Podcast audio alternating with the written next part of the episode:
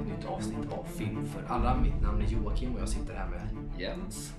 Och eh, dagen till ära så eh, kommer vi inte ha något nyhetssvep. Det är inte så konstigt för att vi som sagt har ju inte tid alltid att ses så det här spelar vi in ganska tätt in på föregående avsnitt. Eh, vilket innebär att det inte kommit så mycket nyheter eh, än. När det här väl släpps så kanske det kommit värsta nyheterna och då, och då får vi försöka få ikapp det på något sätt till nästa gång och så vidare. Då? Men just nu så finns det inte så mycket nyheter vilket innebär att vi dyker rätt in på dagens ämne egentligen, eller dagens eh, filmer ska vi säga. Vi ska prata om två stycken filmer framför allt.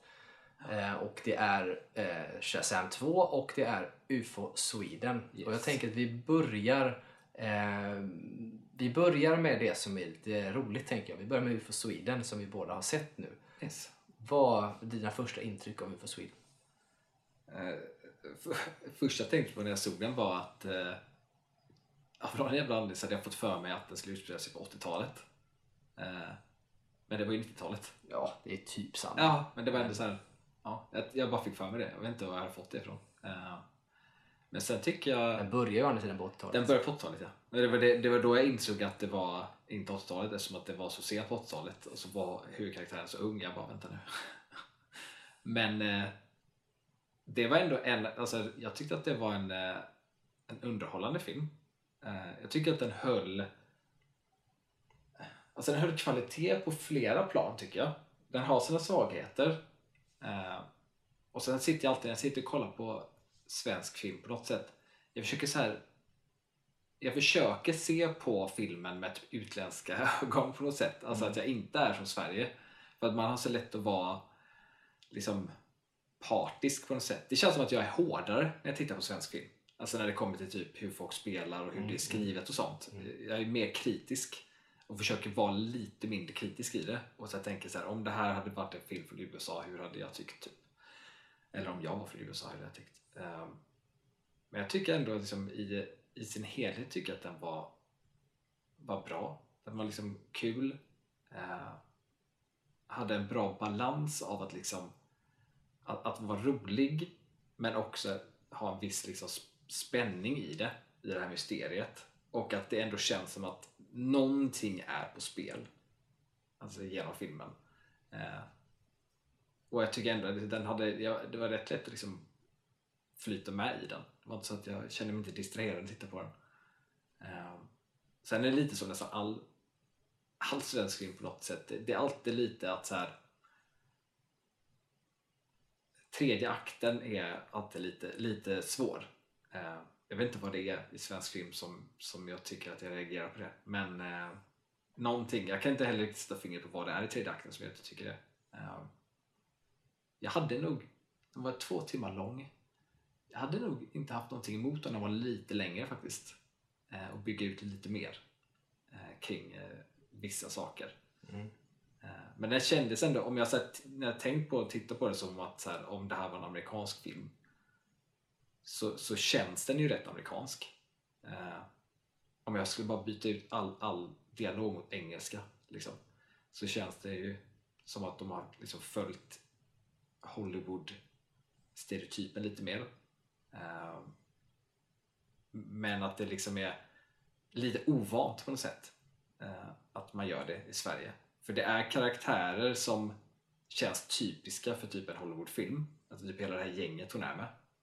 Känns typiska, men att det någonting diffar där i, i att, att de, de presenteras som så fina karaktärer men jag får aldrig riktigt lära känna dem på något sätt eh, egentligen. Utan jag får bara känna, lära känna dem som en, ett koncept typ.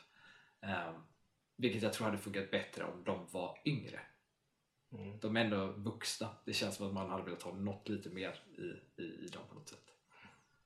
Men eh, jag tycker eh, jag tycker det var bra. Och så tyckte jag också även att, nu är man ju uppvuxen på 90-talet, jag tyckte ändå att det var jävligt bra gjort med det. Hela 90-tals, alltså produktionsdesignen och sånt. Mm. Eh, jag satt aldrig och tänkte att någonting kändes konstigt liksom i det. Eh, kul också att bara se så här periodfilm i Sverige på något sätt. Att se gamla polisbilar och sånt. Nej, men jag eh, håller med. I princip allt du sa håller jag med om. Tror jag. jag tycker som sagt det, här, det är så- intressant just med de här tredje akterna i, i svensk film som jag inte heller riktigt vet vad det är. För det är ju återigen där som den här blir lite svag. Så är det där och jag kan inte heller sätta fingret på vad det är. Och jag tror lite grann att det har att göra med som du sa att man hade kanske kan tänka sig att den var lite längre. För jag tror att man hade behövt, behövt en liten liksom, längre sträcka in i den tredje akten. Liksom, för att man inte ska... Liksom, allt känns som att det går lite fort Ja. och sådär. Eh, Så det kan vara det som gör det. Samtidigt så förstår man också att ska man göra en sån här film och om man inte är ett stort bolag som vet att filmen kommer gå bra och folk kommer se den så vill du inte göra en film som är över två timmar lång. Ehm, Så att det, jag kan förstå det. Men jag tycker som sagt att det är, alltså sett till svensk film, det är klart det finns bättre kanske svenska filmer ändå, men just att det är en sån här underhållande, nästan klassisk blockbuster, för man sitter liksom Det är bara popcornfilm, underhållen. Liksom. liksom. Ja, men det, är en klassisk, på en femgradig skala, en klassisk trea. Liksom. Mm. Den är den är där. Man kan titta på den, den är underhållande, man, man får känna lite och sådär. Sen så blir det ju väldigt svenskt, och nu kommer lite spoiler alert här, men det är ju också väldigt svenskt i och med att jakten hon har på sin pappa som har försvunnit. Eh, det hade ju inte hänt i en amerikansk film, tänker jag, att pappan överger henne för att han vill gå träffa utomjordingar. Nej, nej. Det, Det, det känns ju så svenskt. kändes att, väldigt, väldigt svenskt. att det är så här att ja, men människor kan ju faktiskt vara dumma i huvudet Ja. och liksom överge för att man Ja. tror på något större. Så det känns ju väldigt Den svenskt. hade inte slutat som den slutade i Hollywood tror jag. Nej, utan då hade man ju kanske reunited med sin pappa. Men det enda som är, det som är fint med den, som jag blir så jäkla glad för, är just att den biten sker. Att det faktiskt kan vara så, för med folk är ju galna. Och har man då sökandet efter den här, som man då kallar för sanningen, liksom, vad finns det för utomjordingar, bla, vad, vilka är de? Eh, så går man ju den vägen med att hon då i, det här sökandet efter sin pappa hittar en annan pappa En annan pappa ja. som blir det. Och det tycker jag är väldigt fint. Och jag tycker Mm. framförallt att de två spelar väldigt bra mot varandra hela filmen igenom. Och framförallt Ja, han. Ja, de två tycker jag är alltså väldigt starka. Ja, otroligt starka. Jag tycker han framförallt gör det så jävla bra. Hon gör det jättebra också. Men framförallt hans, den här, Han är, han är faktiskt väldigt välskriven den karaktären. väldigt välskriven. Och han gör det väldigt bra, den skådisen ska jag säga, som, eh, som finns där. Och det känns ju inte alls... eh, För man kan ändå bli så här att vissa saker känns eh, så här att irrationellt. Att men det skulle man aldrig göra, det ska man inte tro på. Men han, där, han gör ju en karaktärsutveckling som man köper. Liksom. Ja, han säger, han säger ja. nej på rätt ställen han säger Exakt, ja på rätt det är ställen. det som, för det finns tillfällen då man kan liksom gå i manus liksom, fällor eh, med den karaktären. Eh, att det är som att man tänker sig, hade det varit en standardfilm, speciellt om den hade varit på 90-talet, så hade liksom man gått i de fällorna att han kanske hade varit lite irrationell på fel plats och Mm. att han hade liksom ja, grävt ner sig mer i vissa saker och liksom varit lite mer liksom, hård i vissa grejer och sånt. Men här tycker jag ändå att, att att även när han, när han blir besviken känns lite mer mänskligt. Det känns lite mer trovärdigt eh, när han då liksom ändå vill hjälpa henne. Ja, Eh. för att det, det känns aldrig någon gång som att, som att det är otroligt på något sätt Mm. att, han, att han gör det han gör. Det är inte så att man tänker att ja, men det här skulle inte hända på riktigt. Utan det känns som att han är genuin i det han gör. Och det tycker jag är så jävla väl. Och det tycker jag generellt sett det alla är bra på. Egentligen. Men framförallt han och ja, hon huvudskådisen. De, de, deras relation och dynamik hela filmen igenom är otroligt bra. Och det som egentligen håller ihop hela, hela Det är filmen. det som jag tror, för att det är lite jag tror att det är lite det som just i den här filmen som gör att tredje akten inte riktigt landar som jag vill för att det, det är liksom ingen, ingen dålig tredje akt på det sättet som typ i vissa andra så här blockbusterfilmer där tredje akten alltså Som i deras tidigare till exempel, En Ja men, ja, men eller som typ, alltså man bara skulle ta typ Black Adam-filmen till exempel, där tredje akten bara så alltså förstör filmen tycker jag och, och, och liksom inte lever upp till vad, vad den försökte säga från början. Men här är lite mer, jag tror att tredje akten i UFO Sweden hade landat bättre för mig om man hade kunnat etablera eh, mer av eh, deras relation innan tidshoppet i början av filmen. För att Mm. han säger ju hej till henne i bilen när hon är litet barn. Man, känner, man märker ändå att, att liksom, de känner varandra lite grann eftersom att han är vän med hennes pappa. Men man hade, jag hade velat ha alltså, lite mer av när hon var så liten med honom. Alltså för att se typ att det fanns en koppling där. Eh, som på något sätt hade gett lite mer när hon hittade honom som pappa. För jag tycker det, det är det här att hon hittar honom, att han blir den nya pappan. Det är lite i början av att när hon involverar sig med dem där igen. Att det, det känns ibland lite, lite för lätt att, att de hittar varandra. Jag hade velat ha någonting som bara gav lite mer substans i det och hade gjort att det hade känts ännu finare liksom i slutet, att de är med varandra. Mm, mm. Ja, men jag förstår vad du menar. Det hade man kunnat göra på olika sätt. Jag tror att, att det hade varit en svårighet att vara kvar för länge i 80-talet där när hon är liten. Ja, det är det som är, det är, det som är dumt, för jag tycker den börjar väldigt bra. Alltså, Ja, det den att gör, ju- den gör ju igång. det. Och, det, den, och, det den är den ju, och den är ju svår. Det man hade kunnat göra det, man kan jobba med flashbacks och det är inte alltid bra heller. Men man, man kan också ha gett någon form av hint eller mer hint under när hon sen är, senare kommer in att liksom, de har känt varandra länge eller vet, han minns någonting från när hon var liten eller någonting mer Mm. som hade etablerat. För jag håller med dig, det är lite det som kanske gör att det saknas. För det är lite grann att det, det kommer en lite crescendo, man får lite rysningar och blir lite tårögd. Mm. Men det är inte riktigt på piken av det känslomässiga som man skulle kunna nå till om de hade Ja, varit exakt. ännu mer etablerade. Det hade nästan kunnat vara lite mer för att när hon dyker upp så är det ju det, hela det här gänget, de kände ju till hennes farsa och de hade ju redan träffat henne när hon var liten.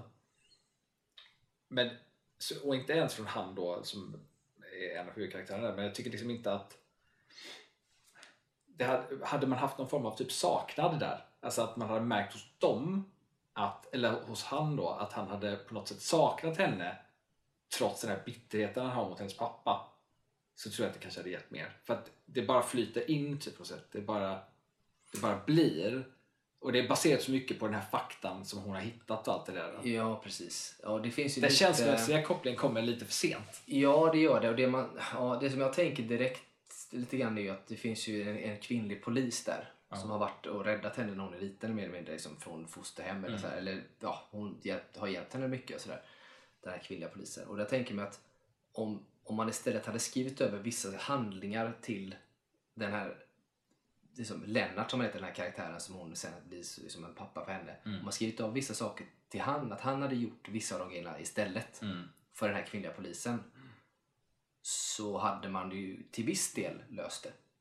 Kanske. Det hade ju varit mer effektfullt om det är han som hade hittat eller tagit henne när hon blev lämnad eller han försvann än polisen. Fast det är inte heller troligt för Nej. är polisen som kommer Nej, och ja. barn på det sättet. Ja. Och sådär, va. så att, ja, det, finns, man, det, det är som sagt det är svårt och det är svårt att lösa det. Trots det så är det ju ändå en, en bra film. Man ska inte sitta och gnälla över de här grejerna egentligen. Men det finns ju ändå små tweakar på som man hade kunnat göra för att få det lite mer. Men de är otroligt bra tycker jag som är tillsammans. Och han framförallt blir så imponerad. Alltså barnskådisar som hon ändå, eller ungdomsskådisar som de ändå är. Då tänker man att man har ändå i sig att, att leka och låtsas på något sätt. Så jag tycker inte att det är konstigt att man är bra när man är liten. Nu ska inte jag säga att man, alla är bra för det. Men, och det är ändå coolt, hon är duktig. Men just han som är relativt okänd sådär, från, från allt annat innan, går in och gör så pass bra ifrån sig är imponerande. Och, han, och det är också såklart regin som gör det, som sätter upp mycket av han. För han ser ju inte så, liksom,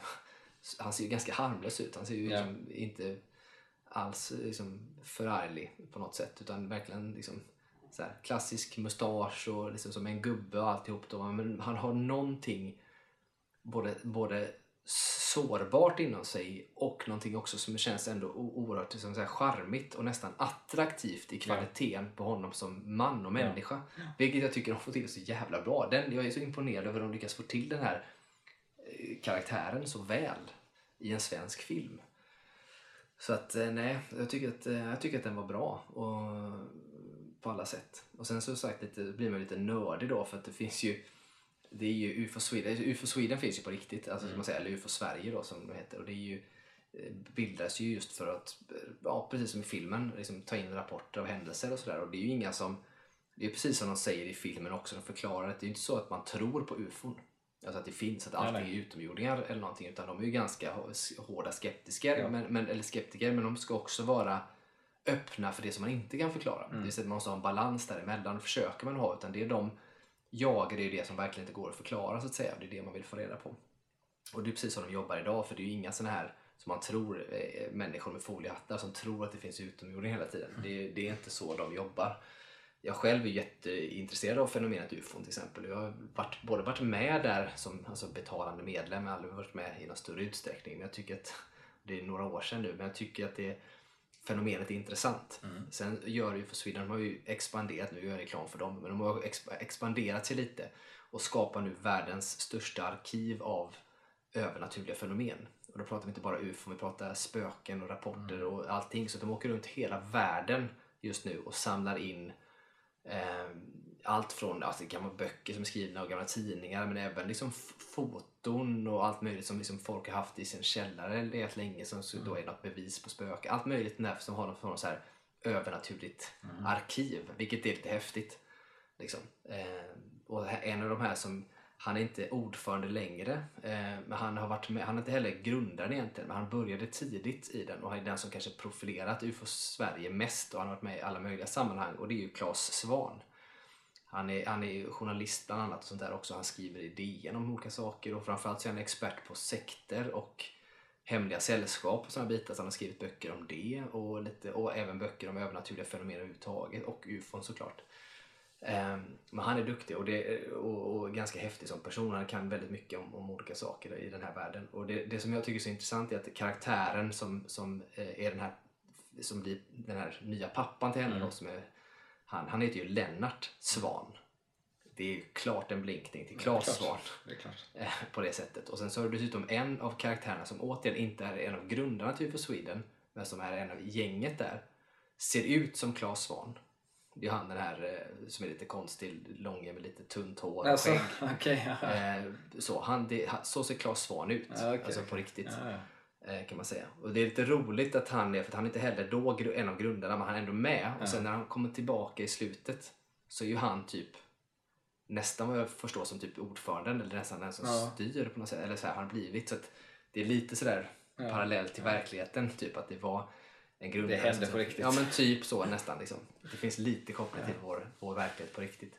Men sen är det också roligt att Claes Svahn är ju med själv i en scen när eh, hon som jobbar på SMHI Mm. bli, ska bli skälld på av de här som sitter och som hon har slösat massa pengar Mm, eller vad det nu mm. är. Och så frågar de var den här fakturan kommer ifrån. Mm. Då sitter Claes Svan, Svan där på höger i bild då längst in. Han Okej. säger ingenting tror jag, men han sitter bara där och, och tittar. Ja. Så han gör en liten cameo där, eh, vilket jag tycker det var lite roligt att se. Och inte så konstigt kanske. Men eh, som sagt, bra, bra film. Jag gillar ju också Alltså det som man hade velat ha lite mer av är ju dock alltså att mysteriet i sig hade, jag vet inte, uppdagats på ett annat sätt. Eller man fått veta lite mer om vad det är. Till viss del. Um, samtidigt som att det är bra att man inte får veta för mycket heller. Men det är, ja, jag vet inte, det är lite sådana saker som jag önskar att man hade fått, be- alltså någonting mer. För att det känns fortfarande som att man inte riktigt, om man, om man tänker på filmen, för det, det finns ganska mycket paralleller framförallt till ja, hela filmen, framförallt i Mm. slutet med Interstellar till exempel. Som handlar om eh, någon som skapar maskhål. Så här. Och, Ja, alltså det finns ju, man märker ju att det är ju någon form av liksom inspiration, det märker man ju. ja, gud ja, så är det. Men där pratar de ju Interstellar om att det är några som har skapat maskhålet, att they liksom, har gjort det och så vidare. Då, va? Här pratar man ju lite grann om det, men det blir aldrig riktigt klargjort för det känns fortfarande som att det skulle kunna vara ett naturligt fenomen fram till slutet. Då, då pappan kliver in någonstans, men det är fortfarande lite så här oklart. Jag vet inte, det, nu låter jag jätteflummig, men jag hade velat ha det lite mer tydligt att det faktiskt är några som har gjort det. typ. Och det är inte där. Men det är, Det är den jag. eviga balansgången i sådana här typer av filmer. Ja, men det är det som är grejen. För det var lite så här att jag är ändå nöjd som det är. Men jag hade velat ha att, inte, någon, någon mer så här att det faktiskt är någon som har liksom skapat det på något sätt. Och så där. Jag vet inte. Ja, men annars, nej, jag tycker den var bra. Helt klart eh, bättre än den förra de gjorde i alla fall. Crazy Ja. Pictures. Sen tycker jag ju att hon, eh, karaktären som jobbar på SMHI, tanten där. Mm. Hon, eh, hon känns som en sån här typisk eh, så här 80-tals antagonist från Hollywood. Alltså i karaktär. Men jag tycker också att det är så jävla bra att hon vänder. Ja, hon är ju inte den man tror att Nej. hon är riktigt Nej. från början. Eh, kan man säga. Och det Det där är en sån fälla man så lätt hade kunnat hamna i. Så att bara låta henne vara det och bara låta henne vara en antagonist. Men i slutändan så hjälper hon till. Men det är inte så heller att hon är extremt aktiv att hon hjälper till. Utan hon har en hon är en hjälpande del i det. Men det är inte så som att hon gör en 180-vändning och bara nu kommer jag vara bara på deras sida och, och, och hjälpa dem till 100% med allting. Utan hon, det är mer som hennes karaktär att hon vill också veta. Liksom. Ja, ja, nej men precis. Och det är ju lite det. Så Jag tycker att hon... Det är också det som är grejen, att hon känns ju mer trolig än en, en karaktär som bara skulle vara ond. Ja. Utan det finns en annan liksom, agenda bakom alltihop som har helt enkelt med nyfikenhet att göra. Och att man inte heller vill bli förklarad som foliehatt. Liksom. Och sådär. Så jag tycker att det var så lite också så här befriande att, Mm. att det inte fastnade i den stereotypen och tropen som man gärna går in i. Den svagaste karaktären för mig i filmen är ju polisen. Ja, jag skulle säga Hon är, hon är polisen- svagast alltså, som karaktär och som koppling till andra. Eh, för hon, hon blir lite för stereotypisk att hon, hon är bara där som hinder. Men jag tycker inte att det, det ger så mycket motivation till varför hon är ett hinder. Mer än att hon är en del av liksom, auktoritet och att de säger att hon bryr sig om henne och sånt där. Men jag tycker nästan att hon, hon går lite, lite för långt nästan ibland och inte hon, hon tar liksom inte en paus och tänker lite utan det är bara rent av. Ja, men återigen, ja, nej, men det är lite grann så här, återigen balansen med hade man skrivit över vissa delar på- till honom istället. Att, eh, som hade, så att han hade haft en koppling till hon den här tjejen mer alltså, på ett sätt så hade man ju kunnat göra henne mycket mer till en kanske mer klassisk hinder. En klassisk liksom, stereotyp som kanske funkar på ett sätt som ska ju vara i vägen. Som, som ändå kanske har barnets bästa för sig men kanske inte känner barnet lika väl. Det att då kan man köra på rätt hårt. för Ja, att inte men jag fattar med för hennes motivation nästan så som hon är i filmen tycker jag nästan är mer som att hon är, är en polis som försöker skydda ett barn som liksom hon bara tror är i trubbel. Mm. Alltså typ mer så. Precis. Och att hon har ju den här frustrationen mot den här gruppen då som de försöker bygga upp. Men det, som så här, hon känner ju ändå henne så pass väl får vi ju veta. Att hon borde ändå liksom, jag vet inte. Känns som att hon borde liksom haft någon paus där just för att hon känner henne. Så det, det, det är någonstans där för mig hon inte riktigt... Hon, hon fan, av alla karaktärer så är hon svagast för mig. Ja men det är hon. Samtidigt så behövs hon ju för vissa delar i filmen. Och det är det jag menar med att hade man då kanske gjort henne lite hårdare istället. Istället för att hon också ska känna den här tjejen. Så hade det kanske funkat liksom lättare eller bättre på något sätt. Alternativt att hon istället blir mjukare. Men att man då får se att hon har svårare när hon ska göra vissa saker. Och att hon kanske inte aktivt gör saker själv men hon tipsar typ polisen om att göra, eller alltså sina Mm. kollegor att göra saker eller åka dit och att vi, de här är inte bra för henne eller så vidare. Då? För att det är ju fortfarande lite grann att får man också säga att kanske en liten svaghet både för hon polisen och även överlag men att den här gruppen nu försvinner. Om man nu tror att, att de här har dragit in den här tjejen i problem på något sätt så, så borde de agera lite tuffare än vad de gör många Mm. gånger. Eh, egentligen. Så det finns väl lite sådana små grejer. Jag tycker ju också, för att hon, jag håller med att hon är svag. Sen gör ju inte hon som skådis en dålig insats. Nej, nej, nej. gör det, Det är bra. karaktären som är svag. Ja, det är lite det är hur den är skriven och sådär. Sen tycker jag också att lite grann den här gubben då, som är ju för Sweden, som är skeptisk eh, till alltihop Mm. egentligen. Är väl kanske lite svag också. Alltså, och inte egentligen på något sätt sådär att, eh, att det känns jätteologiskt eller irrationellt det han gör. Men det känns som att han man förstår honom inte riktigt varför han gör Man förstår det men det är fortfarande så lite väl löst. Man hade kanske behövt lite mer förankring i hans karaktär till varför han är så mycket motståndare till, till att de går För- vidare. För, för det finns mig- ju han behöver ju verkligen inte säga nej. Han kan väl bara låta det löpa linan ut så lugnar det ju sig sen. Om Ja. de har fel. Ja, jag, jag, jag förstår hur du tänker.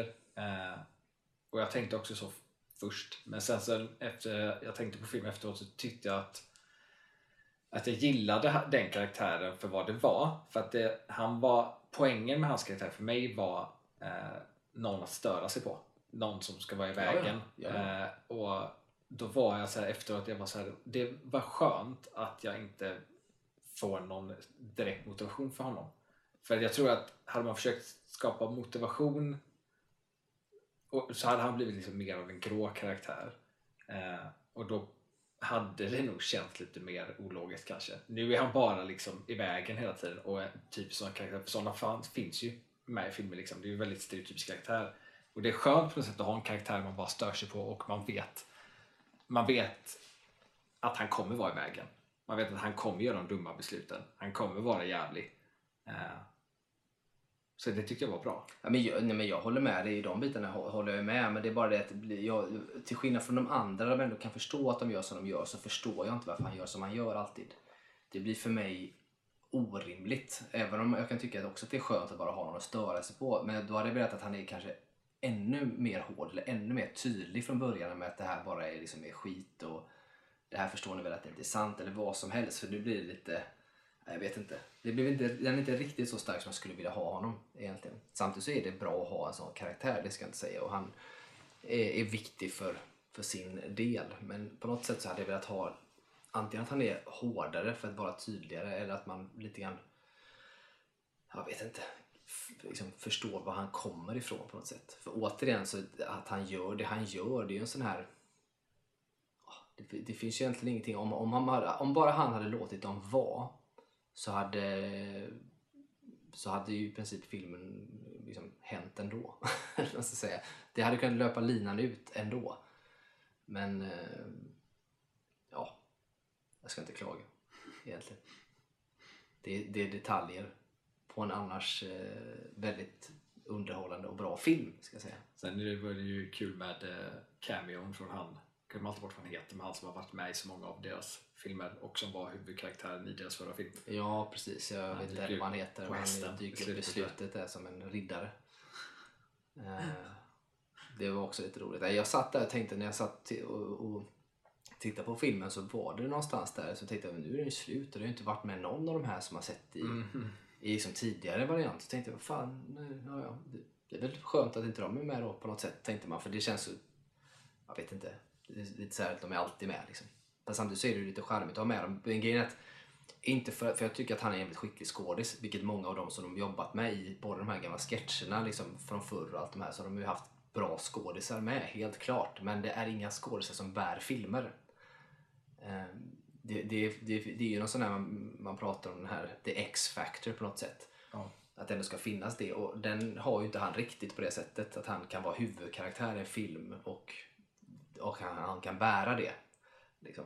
Eh, men i just den här rollen han dyker upp här är han ju perfekt. Sen hade han absolut kunnat spela en annan typ av roll också men han är ju, det är ju väldigt roligt att han dyker upp i alla fall. Jag tyckte att den, just den scenen där han har sin cameo, om man bara skulle plocka ut den scenen ur kontext helt och hållet så känns det, där såg man liksom lite glimt tillbaka till, till Poesi för fiskar. Där de Ja, började lite grann. Det, var, det var liksom, vilket jag tyckte var lite fint. Ja, det tycker jag med. Att det, det var väldigt bra. Sen är ju just den biten att det gör han, den, just den skådisen är ju otroligt skicklig, alltså med komisk, Ja, så, med är han, timing ja. och de här bitarna och sätt att vara. Så att just att, att han spelar en, en, en roll som någon form av comic relief-karaktär eller något sån här, Mm. det hade ju varit perfekt i en film på något sätt. Eh, han hade ju kunnat passa in i det gänget som var där också egentligen. Sen tycker jag att hela, hela liksom, eh, konceptet runt är liksom bara, det känns som så här att det är så, här, det är så självklart att de skulle ha gjort den här filmen. Alltså att de, de är ett gäng som började i vad är det, Norrköping och så får de reda på det här med UFO Sweden som är i Norrköping. Liksom, att, eh, och så kan de göra en film som utspelar sig i staden där de växte upp. Liksom, och sånt där. Så det på något sätt känns så här, så att allting klickar på något sätt. Ja, gud ja. ja det, är ju, det är ju coolt på det sättet. Det är lite som, alltså, det här är ju, man säger att det är inspirerat av, det är både Interstellar, det är liksom inspirerat av och sen så tycker jag att det är inspirerat av Stranger Things. Vilket i sig, Stranger Things i sig är ju också sen inspirerat av massa olika saker. Men det är ju lite Stranger Things inspirerat i, i många stycken. Det är lite, lite, kanske inte så mycket E.T. men närkontakt av tredje graden. Ja, Närkontakt och tredje grad. Jag Finns kände det mycket- väldigt mycket så här, alltså, homages och connection till den filmen. Ja, det tycker jag att man märker rätt mycket. Det, eh, framförallt, alltså hela filmen i sig är väldigt mycket närkontakt tredje graden ish kan man säga. Sen är det ju som tredje akten och slutet är ju typ mycket interstellar känns det som. Och sen så känns mycket av delar i själva filmen också i sig lite Stranger Things-igt. Och det har ju mest att göra med, med gänget man drar ihop och typ tiden den utspelar sig och ja, lite grann karaktärerna och sånt som Mm. finns i. Att det är så här, även, om, även om det är skillnad på barn och vuxna såklart så är det ändå en viss eh, likhet i det. Så, så att, eh, jag tycker att eh, den, är, den är cool. Den är fin. Jag tycker att den är bra på det sättet också just för att den har de här liksom, hommage till olika Mm. typer av filmer. De har med det. Sen så tycker man just att den här Interstellar biten, den, den är, nästan, den är näst, nästan lite för självklar. Eller liksom lite för mycket. Eh, Jag tycker främst att det, det som oftast kopplade till Interstellar för mig, vilket jag tyckte var lite, lite tråkigt, det var musiken främst. Alltså musiken kändes väldigt inspirerat av Interstellar och, liksom på det sättet och då var det lite så här. ja, jag vet inte. Det, det var lite, kändes lite oinspirerat. Ja, kanske. Jag tycker musiken är, är rätt bra. Jag tycker också att det är rätt mycket inspirerat av... Det är lite så Interstellar är det, men jag tycker också att det är rätt mycket Stranger Things eller liksom 80-tals sci-fi eh, överlag. Sådär. Men jag gillar när de använder det som soundtrack, när de har ett soundtrack med eh, hur de använder musik. Alltså, Ja, det ser man musik. inte ofta i svensk film. så det, det tyckte jag att de eh, gjorde bra eh, och var kul att se. Ja. Och en sak som jag hade, det är också en sån här grej som jag hade önskat att man kanske hade gjort en ännu mer emotionell koppling till. Det, det som jag tycker att man kanske kunde utnyttjat ännu mer är just det soundtracket. För då har de den här Forever Young med Alphaville. Ja, man skulle, man skulle ha kopplat ihop det mer med eh, Lennart också. Ja, men på något sätt. Att det varit mer tydligt. För det, det, den kommer och går och det är liksom viktigt för att det spelas i den här bilen som de hittar. Då. Alltså, den kommer och går under hela. Och, den hade ju, den, och det är ju skithäftigt att de gör det i svensk. Det händer ju aldrig i svensk film att man, att man jobbar på det sättet. Och därför hade jag tyckt att det varit... eh, Så det är en sak jag önskat kanske lite mer av. Att det hade kopplat mer till, både till Lennart men kanske också mer överhuvudtaget till, till känslan. Det kommer där men lite mer av det. Så att säga. Men det är svårt. Fan, jag, tittar, jag tänker bara så här, hade man gjort den här själv så hade jag varit så här 100% nöjd med att få till den så här. Alltså att gå in i de här detaljerna och få till det. För att göra en sån här film om, om man tänker en femgradig skala eller om man tänker en tiogradig skala så kanske den här filmen är en sexa, sjua tycker jag.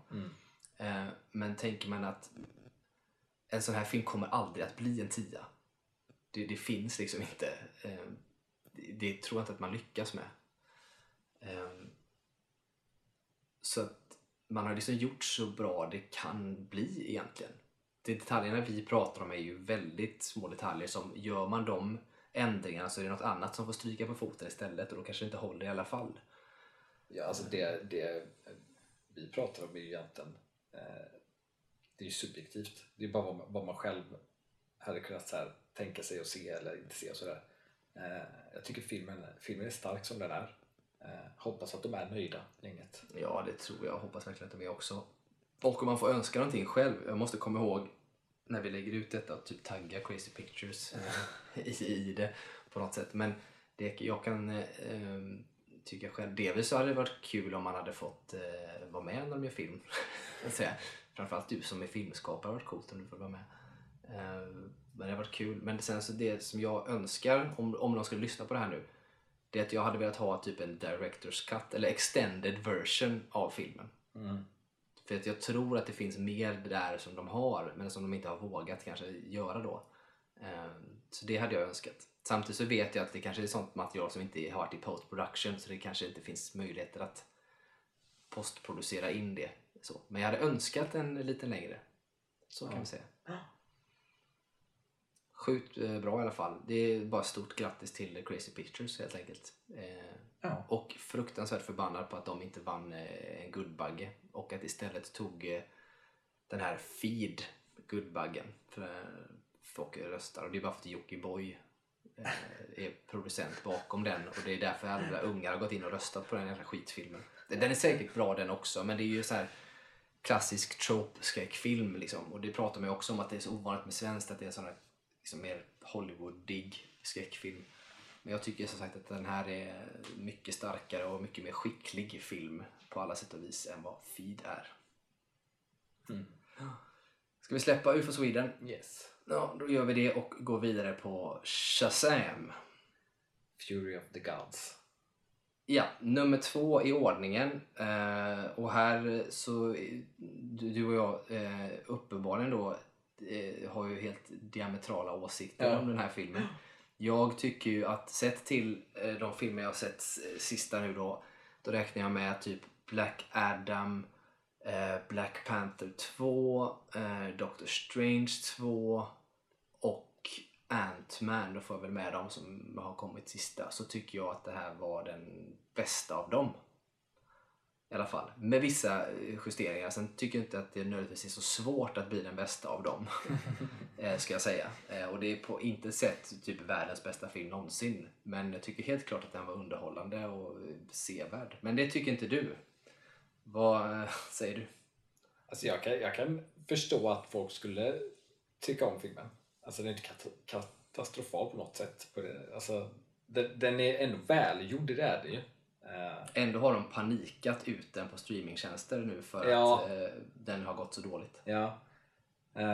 Jag- det som jag... För mig så var den filmen tråkig. Vilket var det största problemet för mig. Det, det finns, fanns liksom ingenting som fångade mig eh, alls. Alltså intresset. Det var mer som att jag, jag såg den för att se den typ. Ehm, och att liksom... Eh, Lite, lite, jag vet inte också om det säkert liksom i undermedvetet ligger hela liksom kaoset med DC och allt det här att liksom poängen med filmen alltså när man, eftersom att de här allting liksom ska vara sammankopplat egentligen sånt där, och att den inte är det längre för att det kommer vi lämna oss bakom liksom. Ja, Fast grejen är att den här är ju tack vare både Shazam första egentligen och den här nu. Så det har ju varit det är tillräckligt löst frånkopplat från allt annat så den här skulle fortfarande kunna vara en del av det. Det är liksom inte omöjligt. Det beror på om Gal Gadot är med DCU eller inte. Nej, så är det. Och vad, ryktena säger ju ändå att eventuellt att hon kommer vara kvar som Wonder Woman. Men det vet jag inte. Men jag tycker eh, jag tror, jag tror att det säkert ligger med undermedvetet att, att den är så pass osäker att, att jag sitter liksom inte aktivt tänker på men det är där i huvudet liksom är så här och vad ska jag se fram emot nästa gång? Alltså det är som om man, när man tittar på postcredit-scenerna på Shazam 2 så var jag så här, de, de var så här för mig liksom att Alltså jag förväntar mig att det inte kommer göras så att då är det så här, varför ska en postcredit-scen helt poänglös? Speciellt alltså att de har också en postcredit-scen med den här larven som i stort sett är samma postcredit-scen som från första filmen. Och då har man så här, okej man gjorde ingenting med den larven i, i uppföljaren. Eh, man gick i en helt annan riktning uppföljaren. Och jag tycker så här, det är tråkigt bara att, att hinta till saker man aldrig tar upp. Eh, sen vet jag att det var en massa strul alltså behind the scenes med Shazam 2, alltså som har varit så här ut, utanför skaparnas händer, alltså pandemin till exempel. Och sånt, att det var mycket som ändrade sig. Sen tror jag också att ett stort problem bara alltså rent med det som jag bara sitter och liksom tänker på när jag ser filmen är ju som är problematiskt när man har den här typen av grejer att man har barn, Barn som får krafter och blir sina vuxna jag. Mm. Men att då i uppföljaren som att det tog sån tid att få ut den. Alltså barnen där är ju inte barn.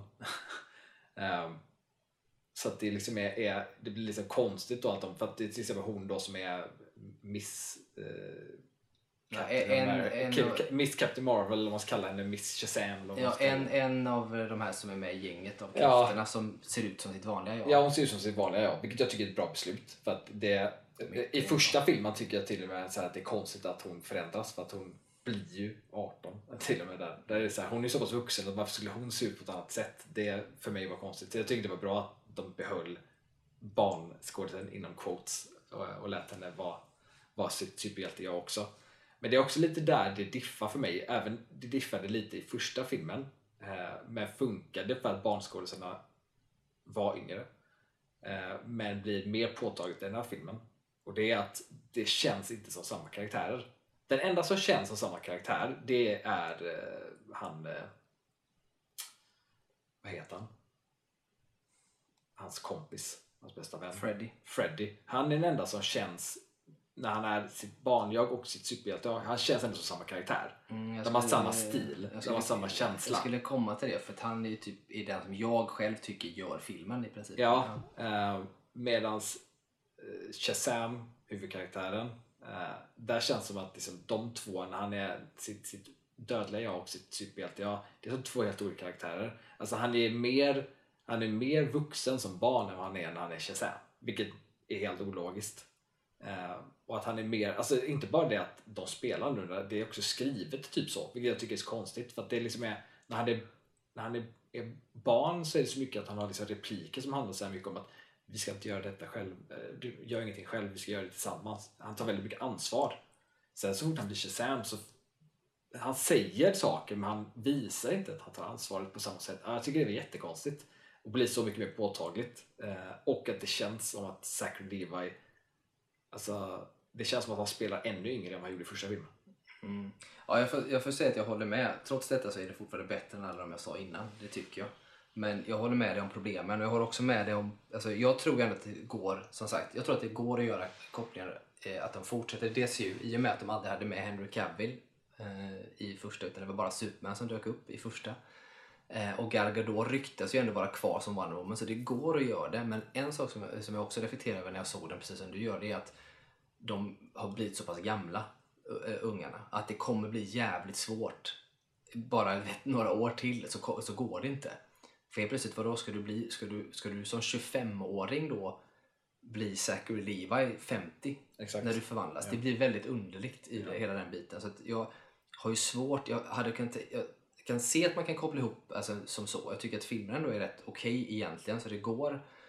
Men det, det blir svårt. Jag vet inte hur de ska få ihop det i och med att de åldras. Det, det, kommer, det blir väldigt, väldigt märkligt att göra på det sättet. Så att jag vet inte. Och sen håller jag med om alltså, de här karaktärerna som spelas. Eh, jag tycker generellt sett alla känns rätt okej i sina som vuxna och som barn. Framförallt Freddy då som jag tycker gör filmen. Framförallt som, alltså, för det är mest barnskådisen som är med. Mm.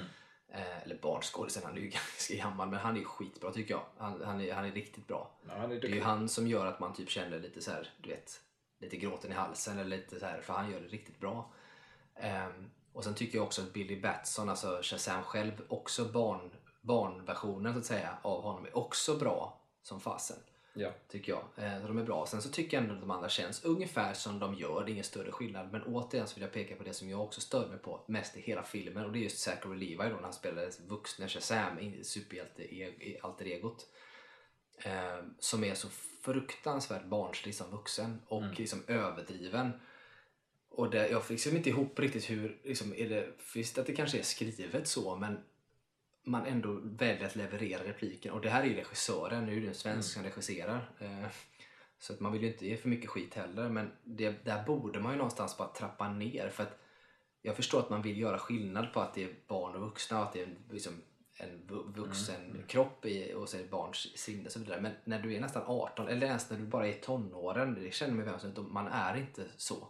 Nej.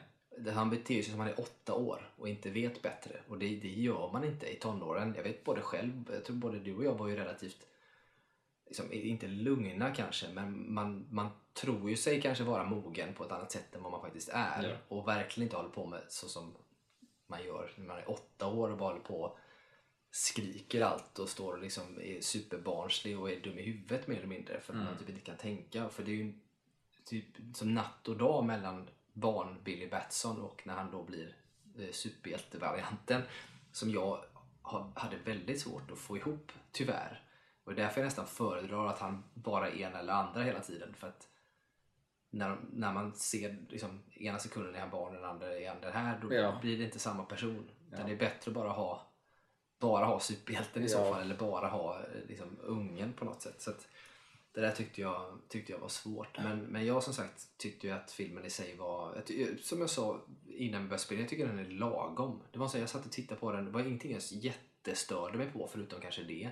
Tycker ändå att det finns vissa stakes och att den är fin på vissa ställen och det här hela, hela fosterhems eh, liksom, och uppoffrandet som sker tycker jag ändå är fint på ett sätt som känns lite så här lagom. Det känns vare sig krystat som det jag tycker att det gjort i de, här Marvel-grejerna och i Blada Adam som kommit. Um, sen är det klart man kan väl ha liksom, starkare story ändå men jag tyckte att den var liksom, underhållande lagom. Det är inte fantastiskt på något sätt men, men inte något sånt där som jag kunde sitta och reta mig på som jag gör de andra. Jag tyckte att eh, alltså med det här med, med, med eh, barnskådisarna och eh, deras superhjälte alter egon.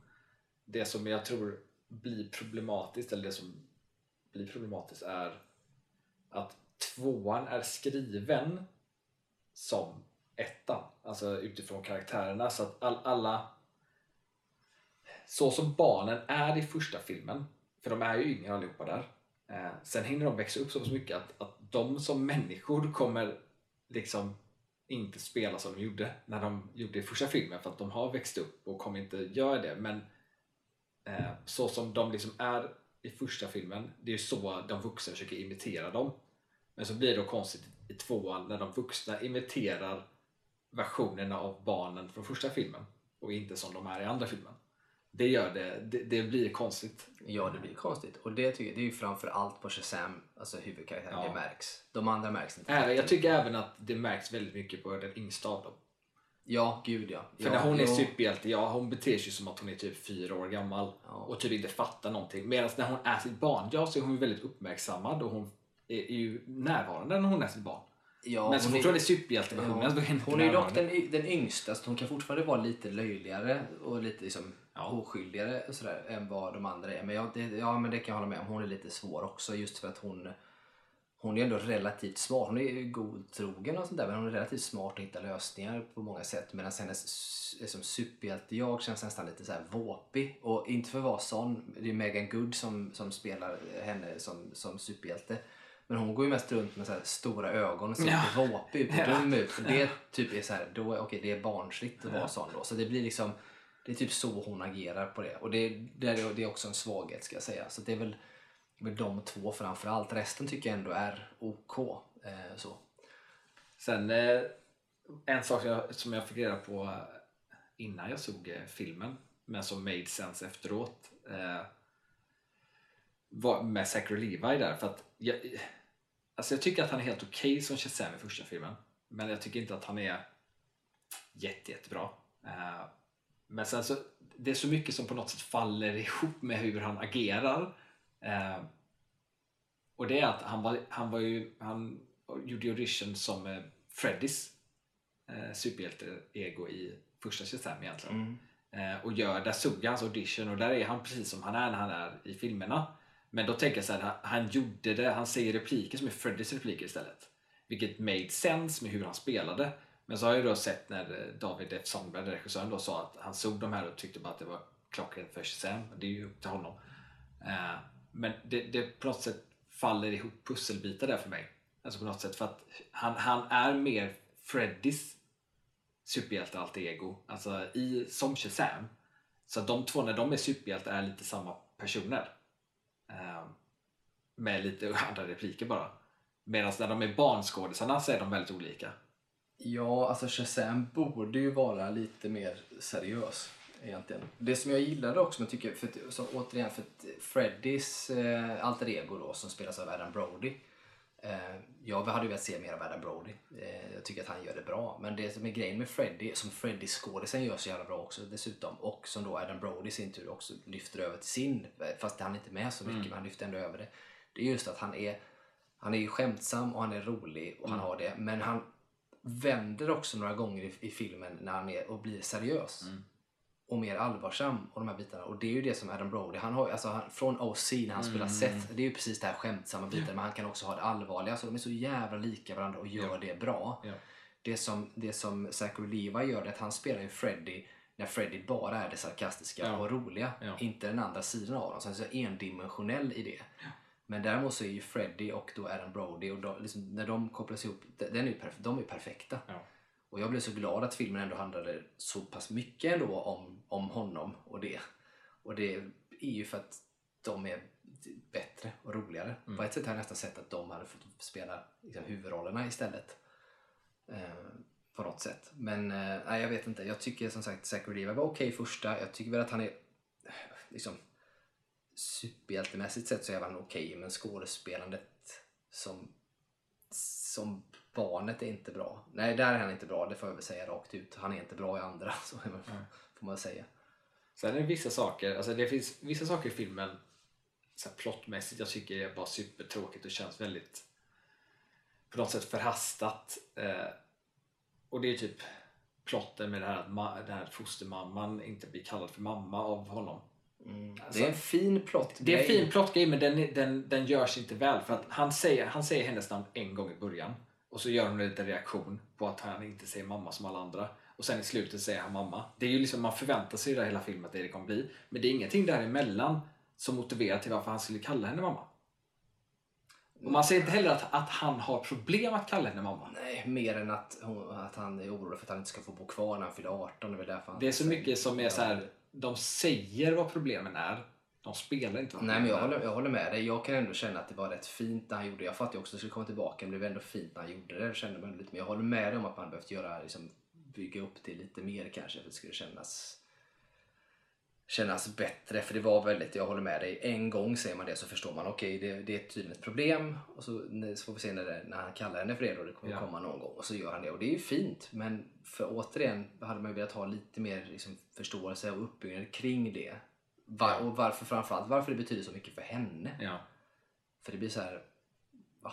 För att grejen är att hon och fosterpappan och alla andra inte, men hon och fosterpappan spelar väldigt bra. Ja. De är väldigt bra i det och man känner ju med dem trots att man vet väldigt lite om det. Men den scenen, Och därför blir den det- scenen när han säger mamma och han säger hej, typ det här hejdået liksom till varandra. Mm. När han ska göra när han är sitt barnversion och henne. Den scenen i sig, det är ju typ den bästa scenen i hela filmen. Ja, typ så. Och den mest känslosamma grejen i hela filmen. Ja. Eh, och att jag tycker den sticker ut just för att eftersom att den är så seriös. Så är det så här, den, för mig så platsar den nästan inte in i filmen. Nej, lite så är det ju. Och det, jag tycker som sagt att hon, hon, både fosterpappan och fostermamman gör det väldigt bra. Och tänk, det tänkte jag faktiskt på när jag såg att Trots att de får så lite tid att bygga upp den här känslomässigheten och så får de ändå lite ut av det reaktionsmässigt. För att de är duktiga skådisar och löser det. Ehm, så det får man ändå ge dem. Och det är lite synd att man då inte har fått ges mer tid till det.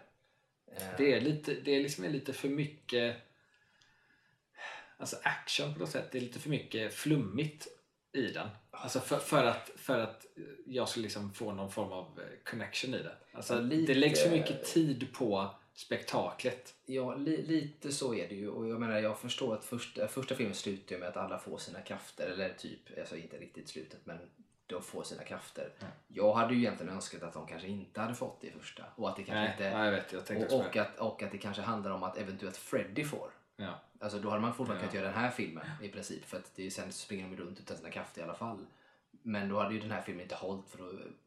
Ja, eller det hade det kunnat göra i och för sig ändå. Men jag tycker nästan att det blir, som du säger, lite för mycket action, lite för lite fokus på liksom det här mellanmänskliga och, och bitarna som man faktiskt behöver ibland och vill ha. Istället blir det ju någon form av nästan så här Justice League eller Avengers. Liksom, för att de är så många. Och har Ja, så alltså- många så får du inte plats med det här Ja, men det mellanmänskliga. det, det är det som är lite, alltså det är lite spretigt och det är lite också det som jag tycker märks i manuset för att det är på något sätt så här, de är en grupp som alla har fetingkrafter. Du behöver skriva bort det för att det ska liksom kunna fokusera på en. Och då är det så här då tar man tillbaka den här staven som är från första filmen och så ska man liksom ha en, en, en enkel lösning på att krafterna kan tas bort och sen att det är också väldigt enkelt för dem att få tillbaka dem.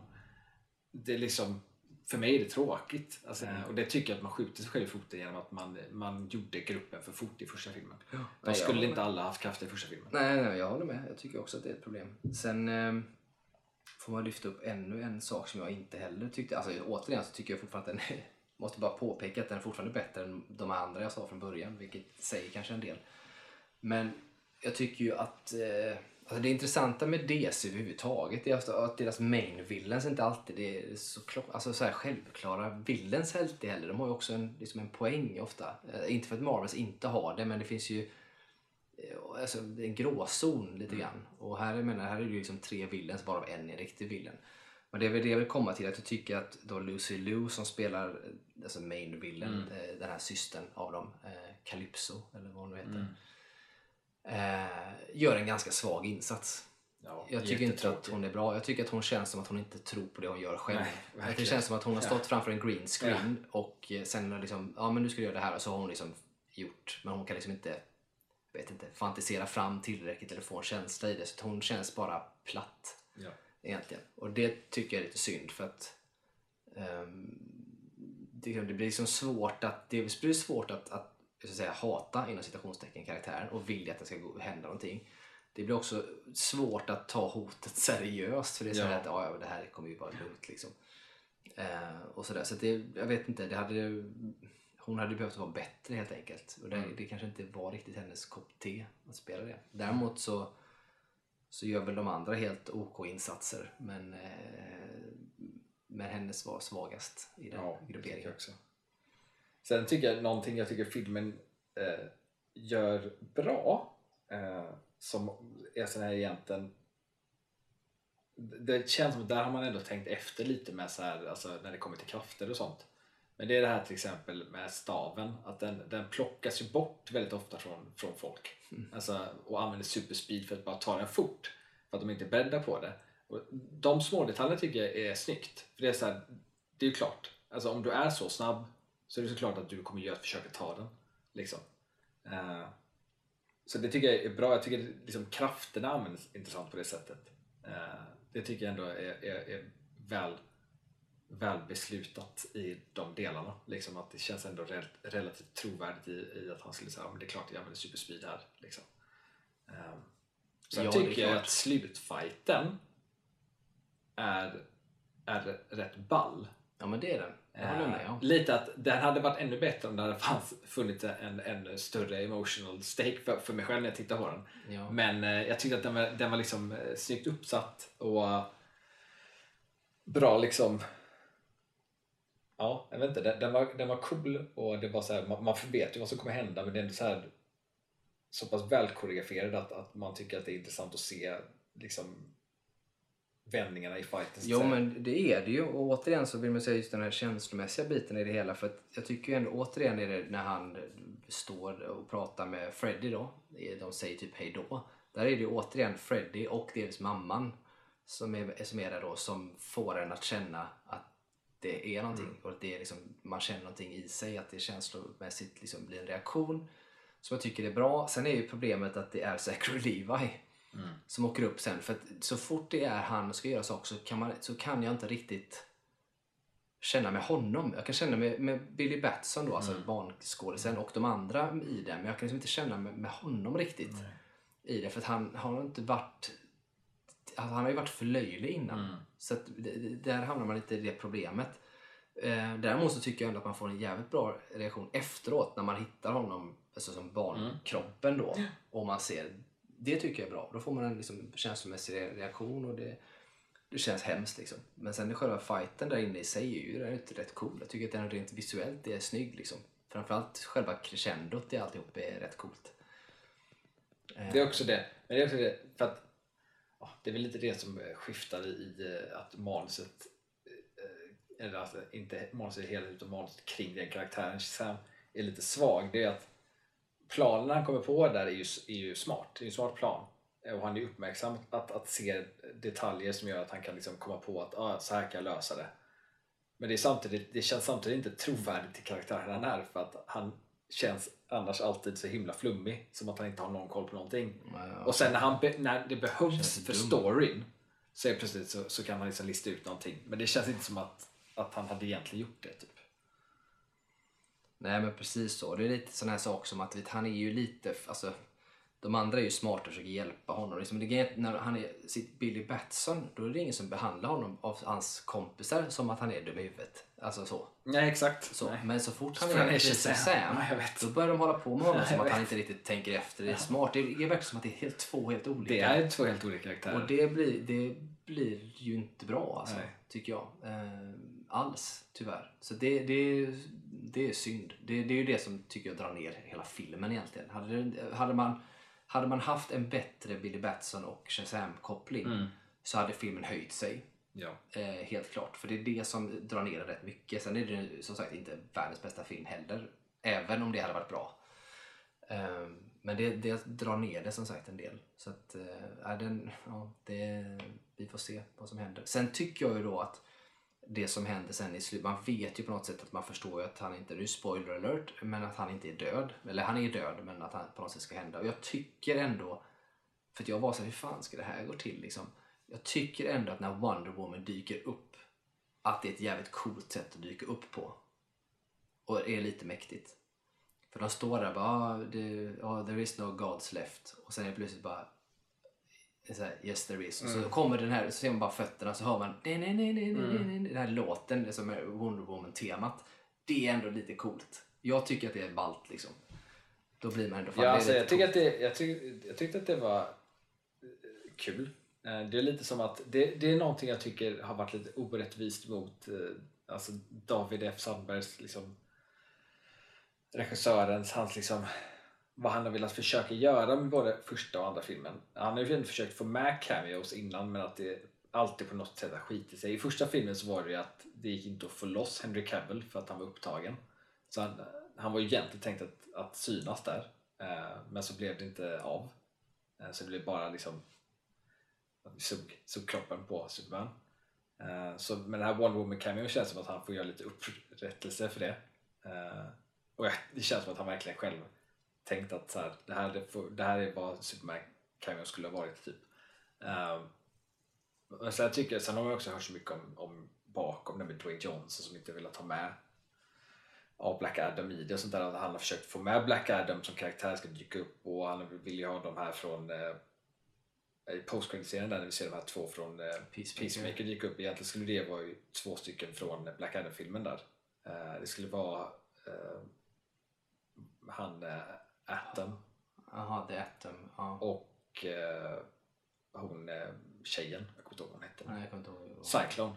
Ja, de två tror jag det skulle egentligen vara. Och det hade till och med han skrivit liksom en scen för. Att de skulle komma och rekryta honom. Men då hade ju Dwayne Johnson gått in och typ eh, sagt att de får inte användas. Uh, för att han vill liksom inte vara inkopplad i det. Och man blir så här, det är sån här, det, det tycker jag bara är tråkigt och det blir så ännu svårare för regissören att liksom göra det han vill. Och att han, för man märker det små detaljer både i första och andra filmen. Man märker att han faktiskt tänker på Lauren liksom. Mm.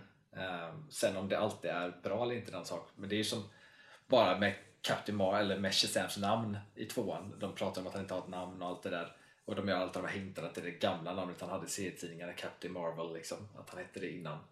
Bara den här lilla saken i slutet, när han får reda på namnet Shazam. Han bara, det är ditt namn. Och så säger Freddy, I think we can do better. Liksom. Still think we can do better. Det är ju såhär, ha ha ha, roligt. Hans andra namn. Och hela som Captain Every Power. Det är liksom bara hintar till att han, regissören är medveten om att det finns en lår här som är lite rolig skämt och med lite meta-skämt. Mm. Ja, men jag håller med. Så det är synd att det är så mycket i vägen för honom. Ja, lite så är det ju. Det är inte helt eh, liksom, rättvist i den världen. Men oavsett så tycker jag den Wonder Woman Cameron är svinbra. Eh, och jag tycker också det andra är bra. Men grejen är att det är lite grann en av de stora anledningarna till att jag vill att Shazam faktiskt ska vara med i, i den här nya DCU som håller på att skapas är just av de här skälen till att han inte fick med Superman. Eh, så han fick inte med Superman. Eh, och det, kan, och det blir såhär, okej okay, men då, då kan det ju vara vem, vilken Superman som helst. Alltså det behöver inte vara just den där. Man har inte haft med Henry Cavill så man kan liksom bortse från det. Samma sak är det här att Gal Gadot ryktas ju ändå ska vara kvar som Wonder Cavills, eller det är Henry Cavills dräkt. Han kommer ju inte ha samma dräkt. Så Nej men det vet man ju inte. Det kan ju vara olika dräkter. Det kan man alltid bortse ifrån. Liksom, dräkten ser ju inte så annorlunda ut och man kan ju byta den till och från. Så det spelar inte så stor roll.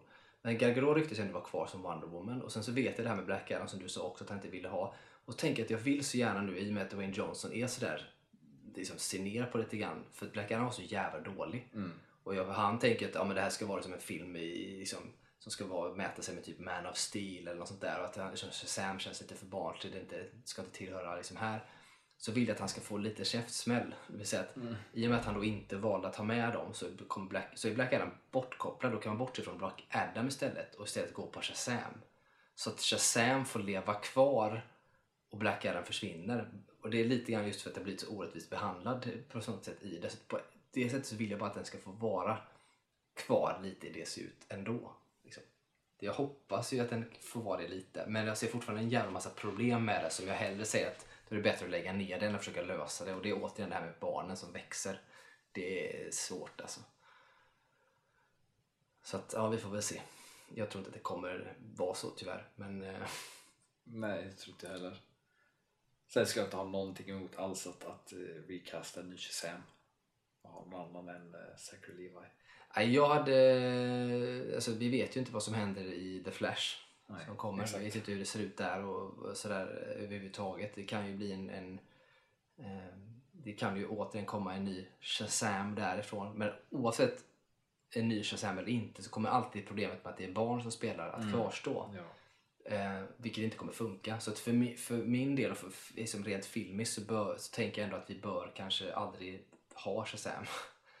Mer än i så fall att man har Shazam alltid som en, liksom en figur till in i en, i en Justice League eller in i något annat där den bara dyker upp som superhjälte eventuellt. Alltså kanske då kan förvandlas till, liksom, i någon, så här, till ett barn ibland men det barnet kan alltid recastas för olika filmer.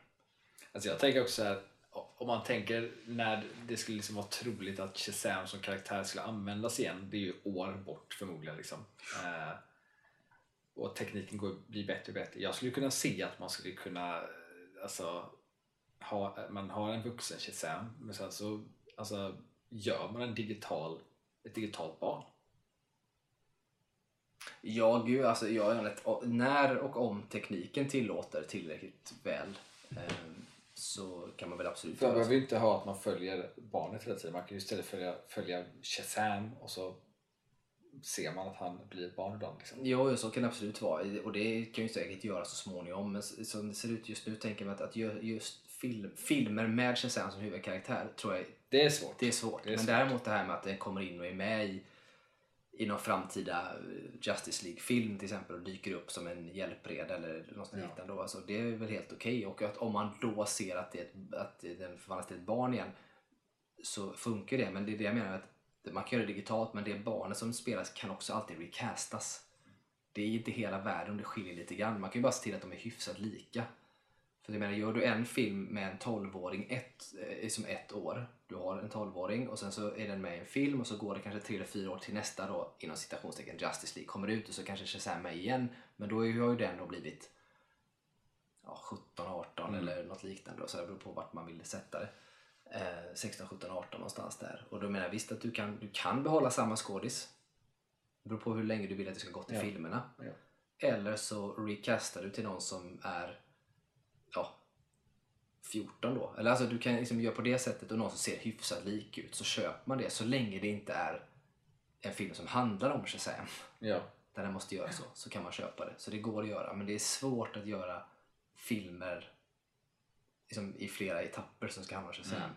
Det var lite det, när jag gjorde första så tänkte jag Ja, ja, men en, en one hit liksom wonder, det är en sån film som går- det passar att göra en, du behöver inte göra fler egentligen. Och, för det blir svårt. Men eh, löste. Och Jag tycker ändå som sagt att den var, den var okej. Mycket alltså, bättre än de andra som jag nämnde förut. Tycker. Men med vissa svagheter. Vad sätter du för eh, rating? 1-10? Bra fråga.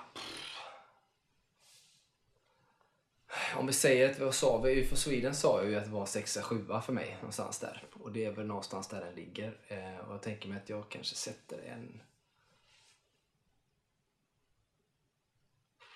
Jag hatar ju, jag vill ju inte halva. Jag tycker att det är så hemskt med Det halvor. var därför du ändrade det till Ja, jag vet. Det är det som är grejen. Att det känns så hemskt att man drar halvor. Men samtidigt så tänker jag att den är ju inte lika bra som UFO Sweden som vi säger. Alltså jag tänker UFO Sweden är en sjua, men jag sa typ sex. Nej, men nej. mm, Ja, ja, en fyra säger jag.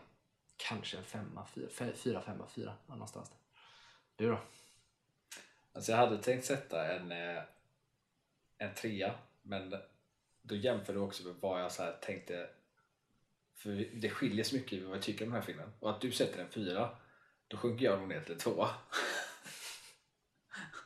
jag känner att det är större, större gap med vad, hur vi, vad vi tycker om den här filmen Mm. Ja, men, ja, men, jo, så kan det absolut vara, men det, oavsett så är det att jag tycker ändå att den liksom är underhållande och jag störde mig inte så jättemycket på saker förutom just Zachary Levi. Tänker man gå in i detaljer så stör man sig, men går man in på Zachary Levi, han, alltså, när man tittar på film så är jag ju sån att jag tittar och försöker att inte tänka så mycket på detaljer. Det är först när jag utan att försöka tänka på det, när jag ser en film och stör mig på saker, då är det inte bra. Mm.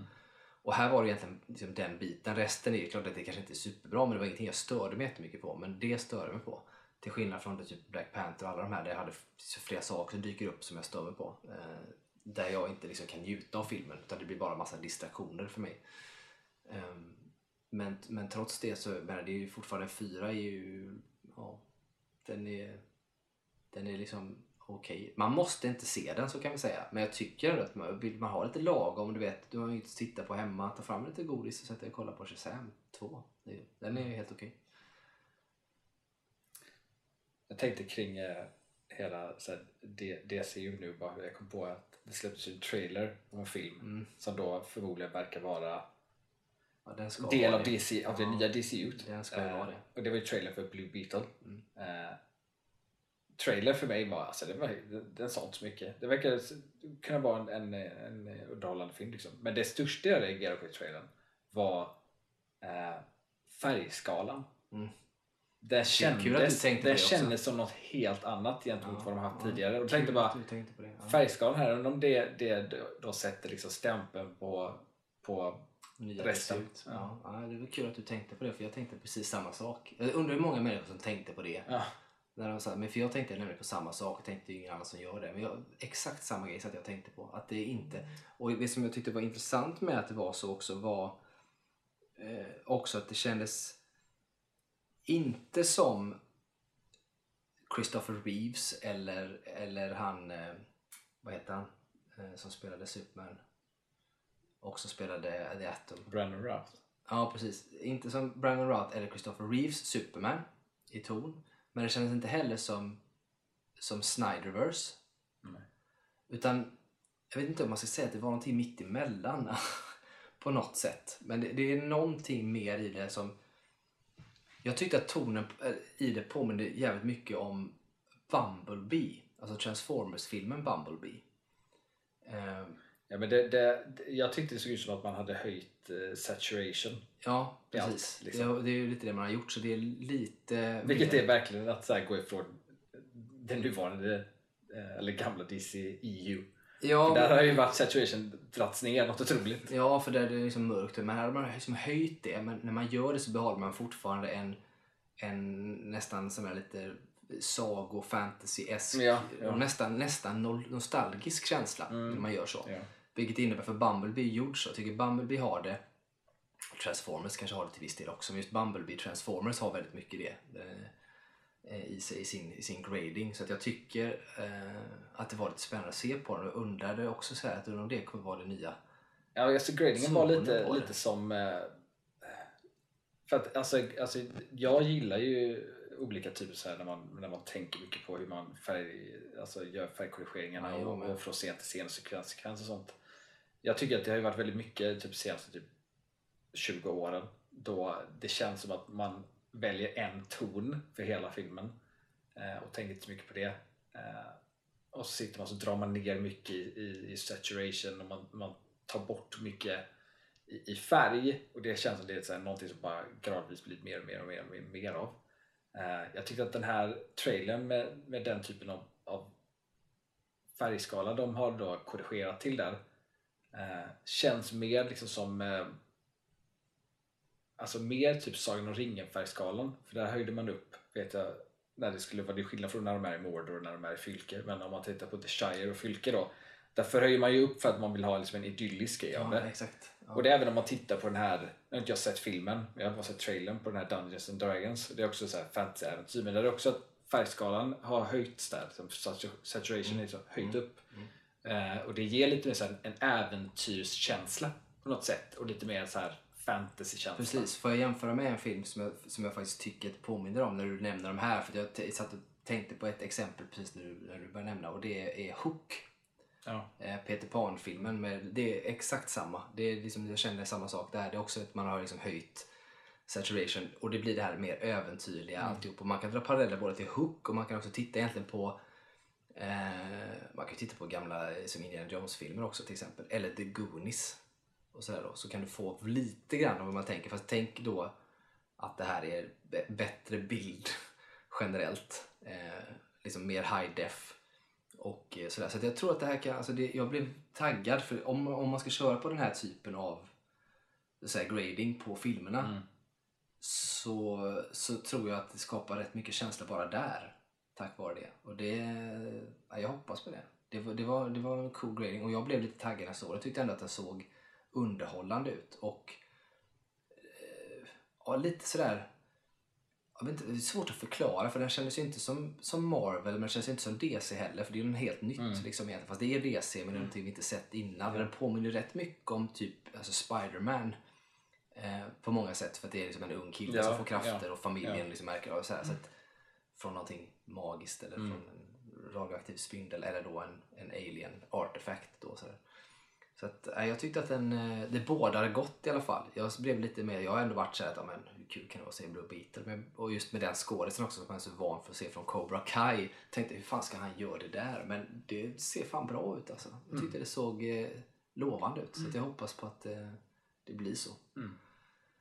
Och snart eh, har ju också Guardians eh, 3 premiär. Mm. Ska vi se.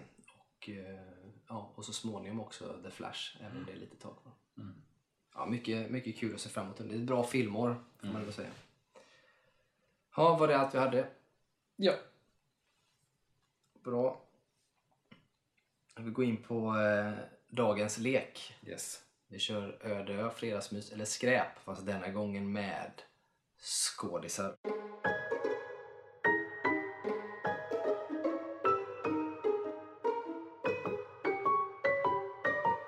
Och här kommer de.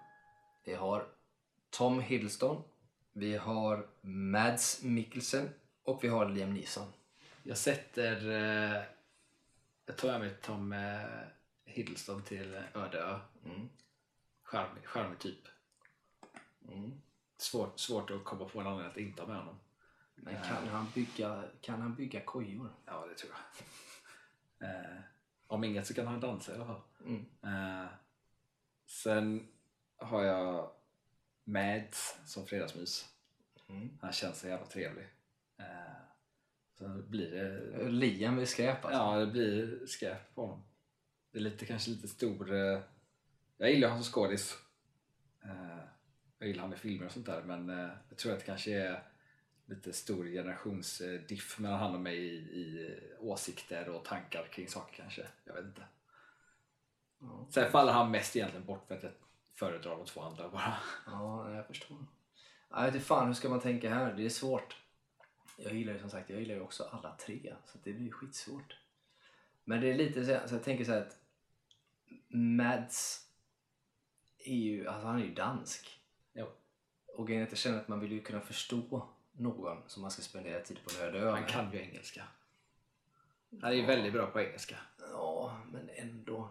Det så ska vi orka prata engelska. Han kommer ju prata danska när vi är på en öde. Ja, du förstår väl danska? Jo, men det är fan drygt alltså. Danskar. Danskar ska ju bara ha det liksom. Det, det får inte funka. Han hamnar i skräp bara för att han är dansk. Så gör vi. Han hamnar där för att han är dansk. Eh, för fan, få till vi det.